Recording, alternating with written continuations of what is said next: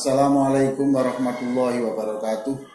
Alhamdulillahirabbil alamin wal aqibatu lil muttaqin. Asyhadu an la ilaha illallah wa asyhadu anna Muhammadan abduhu wa rasuluh shadiqul wa'dil amin. Allahumma shalli ala sayyidina Muhammadin wa ala alihi wa sahbihi ajma'in amma ba'du. Pemirsa yang berbahagia, apa qiyamul lail itu? Qiyamul lail yang sudah sering kita dengar itu selalu dikaitkan dengan Ramadan. Padahal sebenarnya ya tidak juga ya. Qiyamul lail itu adalah ibadah pada malam hari. Bisa sholat, bisa yang lain. Yang penting diisi dengan zikir, dengan apa. Yang penting itu ibadah pada malam hari. Mengapa? Qiyamul lail itu lebih lebih sering didengar pada bulan Ramadan. Ya, karena Ramadan adalah bulan kemuliaan, bulan di mana yang sangat istimewa. Tentu sayang kalau malamnya hanya dipergunakan untuk tidur. Sayanglah kalau malam hanya dipergunakan untuk begadang. Sayanglah kalau malam dipergunakan untuk hiburan-hiburan. Sedangkan malam itu adalah malam di mana Allah memberikan cahaya yang banyak, maka kita serap cahaya itu supaya hati kita bersinar doa Rasulullah SAW Allah maja'al fi qalbi nura Ya Allah berikan cahayamu pada hati saya Waja'al fi sami nura Berikan cahayamu ya Allah Untuk telinga saya Supaya senang dinasihati orang Supaya peka terhadap panggilan adhan Waja'al fi aini Ya Allah jadi jadikan cahaya di mata saya Berikan cahaya di muka saya Berikan cahaya di belakang saya Berikan cahaya di atas saya berikan cahaya di bawah saya, bahkan jadikan kami ini cahaya yang bisa menerangi manusia, berikan jadikan kami cahaya yang bisa mengusir kegelapan. Betapa mulianya kalau kita ini menjadi cahaya. Orang yang gelisah kedatangan kita seperti dapat cahaya, ya bersinar, senang. Orang yang tidak punya semangat kita datang jadi semangat, ya itulah kita mana memberi, memberi cahaya. Orang yang hidup dalam dosa kita kita datang kemudian dia mau bertobat nah itu namanya kita menjadi cahaya waja'alni nura waja'alni nura Allah ma'adini nura jadikan kami sendiri adalah cahaya. Nah tadi sudah saya katakan bahwa Qiyamul Lail itu adalah menghidupkan ibadah pada malam-malam Ramadan. Mengapa kita harus melakukan uh, kegiatan yang menghidupkan Ramadan? Ya Sebab siapa yang menghidupkan malam-malam Ramadan, insya Allah hatinya tidak mati, tapi hatinya hidup. Liung vira mangkana hayyaw wa yahiqqal qawlu 'alal kafirin. Dalam surah Yasin itu dikatakan, ya Quran ini menghidupkan orang, memberi peringatan orang yang hatinya hidup, yang pikirannya hidup.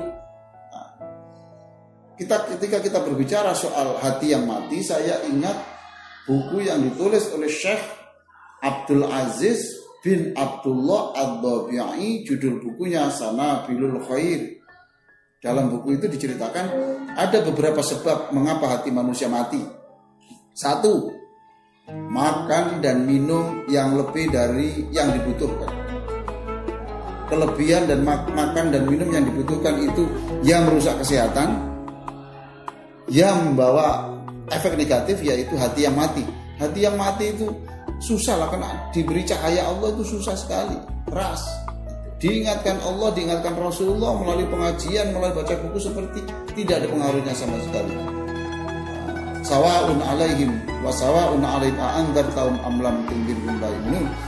Sama saja engkau beri peringatan, tidak engkau beri peringatan, sama saja tidak beriman. Yaitu tandanya hati yang mati.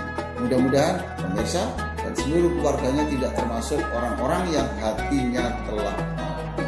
Jadi sebab pertama makan dan minum lebih dari kebutuhan. Umpamanya pemirsa, makanan kita itu sebetulnya cukup hanya 10 sendok. Lalu Anda makan lebih dari itu, kelebihannya itu akan membawa dampak hati yang mati. Yang kedua, yang menyebabkan hati mati. Berbicara lebih dari yang dibutuhkan kita ini sebetulnya banyak bicara yang hal-hal yang tidak terlalu penting. Kalau kita banyak berbicara tapi itu perlu silakan. Tapi kalau bicara hal-hal yang tidak penting, apalagi yang dosa, apalagi yang mengandung kebohongan, apalagi yang mengandung hoax, itu berita tidak baik. Kalau Anda terus-teruskan berbicara yang tidak jelas benarnya. Apalagi Anda itu membagi-bagi sesuatu yang tidak jelas benarnya. Ingat itu efeknya nanti hati kita akan mati kata Syekh Abdul Aziz bin Abdullah Abdul Yang ketiga yang menyebabkan hati kita mati adalah bergurau yang berlebihan. Jadi bergurau itu boleh, Nabi itu humoris, Nabi itu humoris. Tapi kalau kita bergurau berlebihan, jadi tidak baik. Sebab bergurau yang berlebihan itu nanti akan menyebabkan kita akan lupa tentang persiapan kita menuju akhirat nanti. Berikutnya yang menyebabkan hati kita mati adalah kita mendengar adzan tapi kegiatan kita tetap kita lanjutkan. Tentu Islam ini ah, Islam ini datang bukan untuk menyiksa membuat hidup ini susah. Kalau dokter yang melakukan operasi mendengar adzan dia teruskan tidak mungkin toh kemudian dokter sedang operasi kemudian mendengar adzan maaf ya saya tinggalkan dulu. Tidak bisa begitu. Memadam kebakaran. Karena mendengar ceramah tentang sholat tepat waktu. Sedang memadamkan kebakaran lalu kemudian ditinggal. Sholat dulu tidak mungkin. Tapi kalau tidak ada alasan mendengar adzan segera wudhu segera sholat itu tandanya anda sedang dalam proses hati yang hidup dan Anda akan terhindar hati yang mati. Terakhir, terakhir yang menyebabkan hati mati adalah orang yang tidak menyediakan beberapa menit di dalam 24 jam itu untuk introspeksi. Untuk introspeksi bertanya kepada Allah, ya Allah dosa saya ini pada dosa saya ini banyak ya Allah, bantulah saya untuk bisa memperbaiki diri, ampunilah dosa-dosa saya.